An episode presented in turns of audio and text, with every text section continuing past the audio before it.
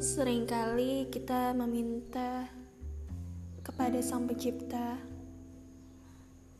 jawaban atas dari doa-doa kita.